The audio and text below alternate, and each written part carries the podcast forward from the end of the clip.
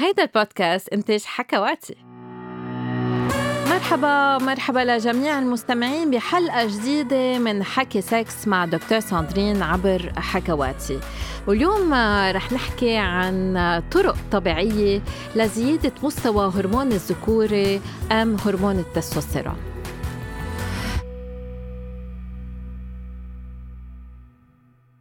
اليوم رح نعطي بعض الطرق الطبيعية الواحد يقدر يزيد مستوى هرمون التستوستيرون عنده. إنما قبل ما بلش بدي أذكر الكل إنه إذا عن جد في تدني بالتستوستيرون يعني مستويات كتير قليلة هالنصايح ما رح تكفي؟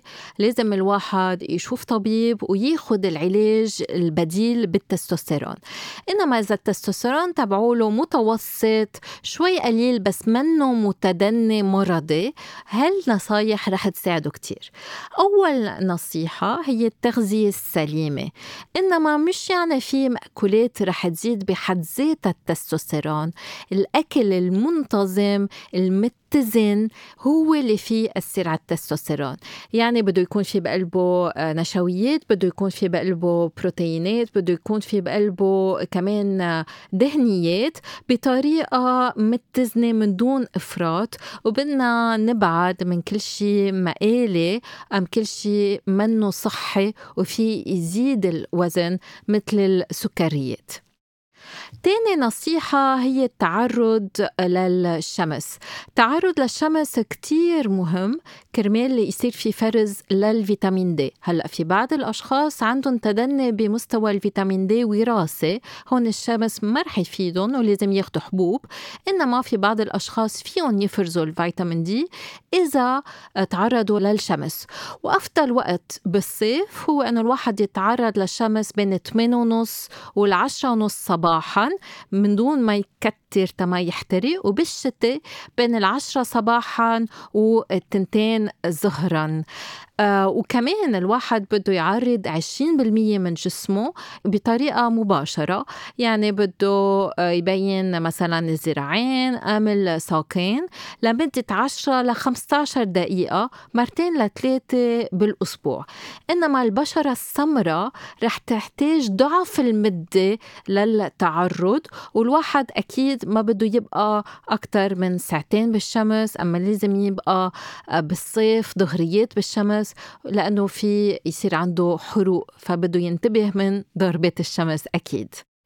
ثالث نصيحة هي أن الواحد ينام ويرتاح. في دراسات فرجت أنه إذا الواحد بينام أقل من خمس ساعات بالليل رح يكون عنده انخفاض بهرمون التستوستيرون بنسبة 15% وكمان منذكر أنه الدراسات فرجت أنه الواحد لازم ينام بين السبع وثمان ساعات كرمال يحسن بمستويات هرمون التستوستيرون وهذا الشيء يوميا مش بس مننام نهار الجمعة 8 ساعات وخلص مشي حال مستوى التستوستيرون؟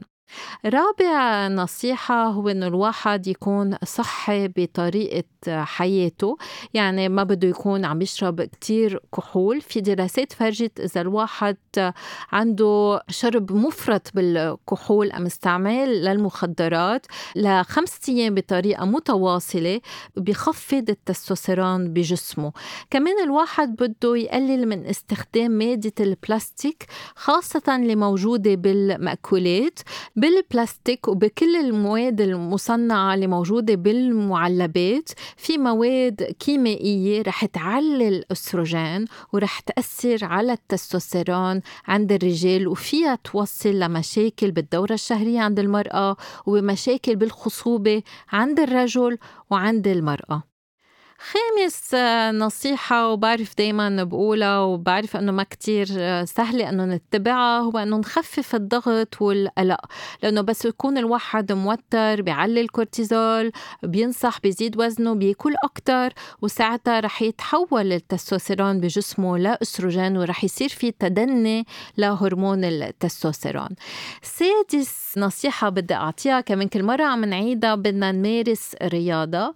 أكيد الرياضة السريعة الكارديوفاسكولار رح تسمح أنه الواحد يخسر وزن ويخفف من الخلايا الدهنية بالجسم فرح يعلي التستوستيرون. إنما كمان رفع الأثقال كتير مهم لرفع مستوى التستوستيرون. آخر نصيحة هي ممارسة الجنس بانتظام لأنه كل ما الواحد بيمارس الجنس إن كان مع شريك شريكة أم حتى لوحده عم بيسمح لإفراز الصحي للتستوستيرون. وهيك بتنتهي حلقتنا لليوم. شكرا لكل مستمعينا. ما تنسوا تبعتوا كل أسئلتكم. ما تنسوا تشتركوا بالبودكاست وتعملوا like. يلا bye bye.